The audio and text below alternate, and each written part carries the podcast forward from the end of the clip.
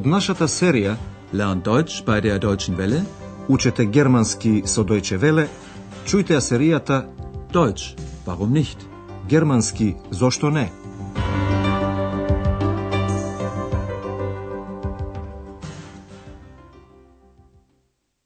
Драги слушателки и слушатели, денес ќе слушнете седмата лекција од серијата 3 со наслов Дај ми ги проспектите те молам. Gib mir die Prospekte bitte mal. Во минатата лекција Андреас раскажуваше приказна од еден турски автор. Оваа приказна посебно му се допадна. Слушнете го уште еднаш тој исказ и внимавајте на додатокот за датив. Eine Geschichte aus dem Buch gefällt mir besonders gut. Авторот се обидува да го дознае точниот датум на неговото раѓање. За таа цел тој оди во Турција и прашува многу луѓе меѓу кои и неговата мајка и зет. Слушнете го тоа уште еднаш и внимавајте на додатоците за акузатив. Dick Man fragt zuerst seine Mutter. Dick Man fragt seinen Schwager. Авторот нема да го дознае својот роден ден. Иако сите се сеќаваат на приказните кои се случиле тој ден, никој не го знае точниот датум. Alle erzählen eine Geschichte, aber Dick Man erfährt seinen Geburtstag nicht. Денеска повторно ќе се сврнеме на градот Ахен. Брачниот пар, кој пристигна во Ахен, што туку се обидува да си создаде некој впечаток за градот. Твајцата разгледуваат проспекти. Во нив Ахен се опишува како град на уметноста, Кунстштад, град на лекувањето, Куаштад и како град на бањите, Бадештад. Концентрирајте се на прашањето. Како реагира жената на различните аспекти на градот Ахен? Du hast doch einen Prospekt von Aachen. Einen? Vier Stück? Gib mir die Prospekte bitte mal. Ja, einen Augenblick. Hier, Entdecken Sie Aachen. Aachen, die Stadt im Herzen von Europa, gleich neben den Niederlanden und Belgien. das wissen wir doch. Aachen, das Kunstzentrum. Uninteressant. Aachen, die Kur- und Badestadt. Brauchen wir nicht. Aachen, die Kongressstadt. Arbeiten kann ich zu Hause. Aachen bietet Ihnen vieles. Und was bietest du mir? Aachen, die Stadt mit Flair. Die City ist ein Einkaufsparadies. Das ist doch was für dich. Na, da bin ich aber mal gespannt. Wir geben unseren Besuchern gern weitere Auskünfte. Во проспектите, како што е редот, се прикажува Ахен со сите своји разновидности. Жената реагира прилично незаинтересирано. Слушнете го тоа уште еднаш поточно. Најпрвин мажот го чита слоганот Открите го Ахен. Entdecken Sie Aachen.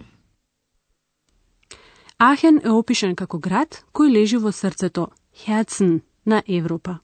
Ахен, градот во срцето на Европа, веднаш до Холандија и Белгија.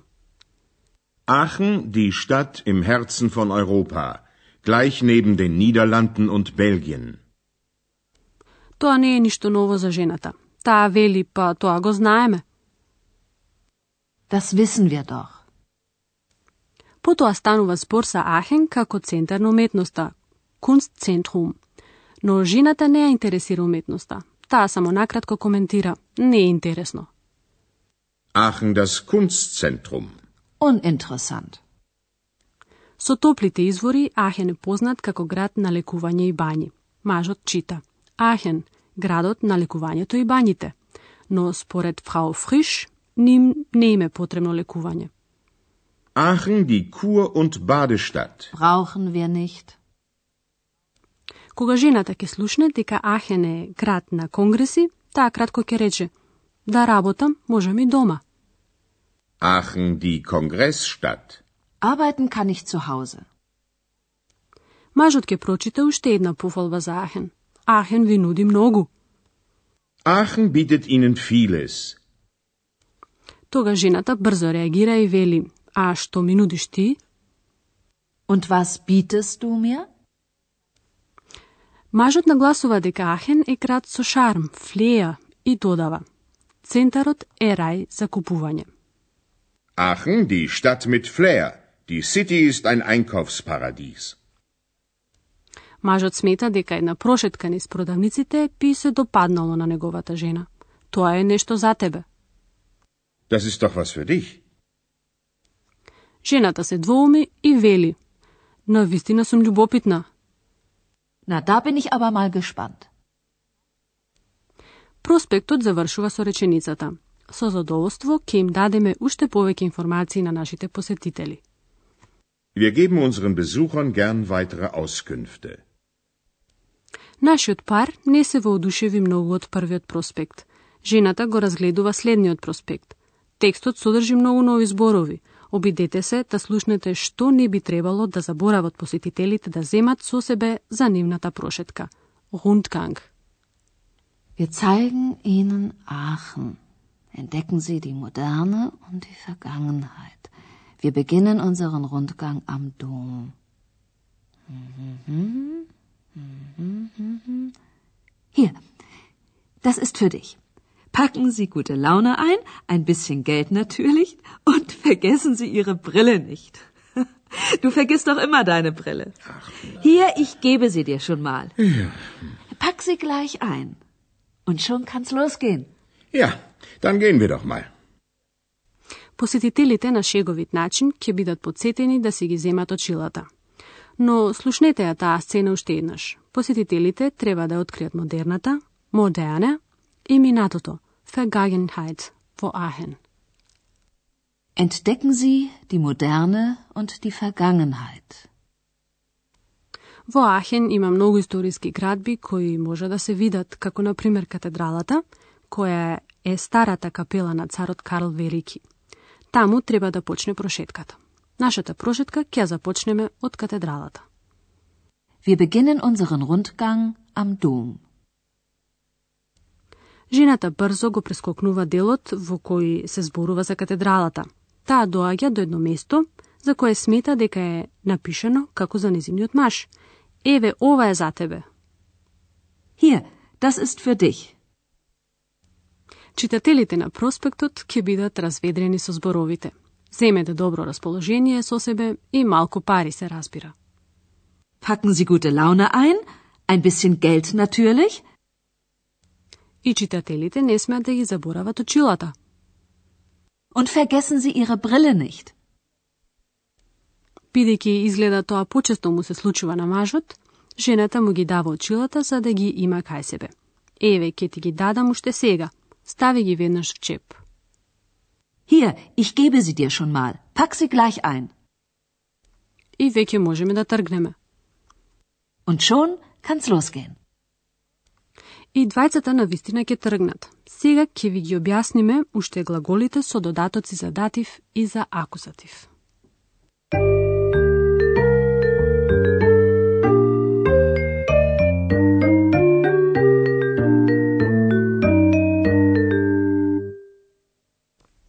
Глаголите имаат додатоци. Тоа може да биде, на пример, додатокот за акузатив, како, на пример, глаголот има, haben. Du hast doch einen Prospekt von Aachen. Тоа може да биде додатокот за акузатив, како, на пример, глаголот нуди, bieten. Was bietest du mir? Некои глаголи може да имаат два додатока, додаток за акузатив и датив. Еве еден пример со глаголот дава, geben. Geben. Gib mir die Prospekte mal. Кај глаголите, кои имаат додатоци за акузатив и датив, треба да се почитуваат следните правила за распоредот на деловите во реченицата. Синтаксата. Ако додатоците се именка, проспекте и заменка, мија, тогаш заменката секогаш стои пред именката. Gib mir die Prospekte mal. Ако додатоците се две заменки, тогаш додатокот за акузатив, зи, секогаш стои пред додатокот за датив, мија. Gib sie mir mal. Ако додатоците се две именки, тогаш додатокот за датив секогаш стои на прво место. Wir geben unseren Besuchern gern weitere Auskünfte.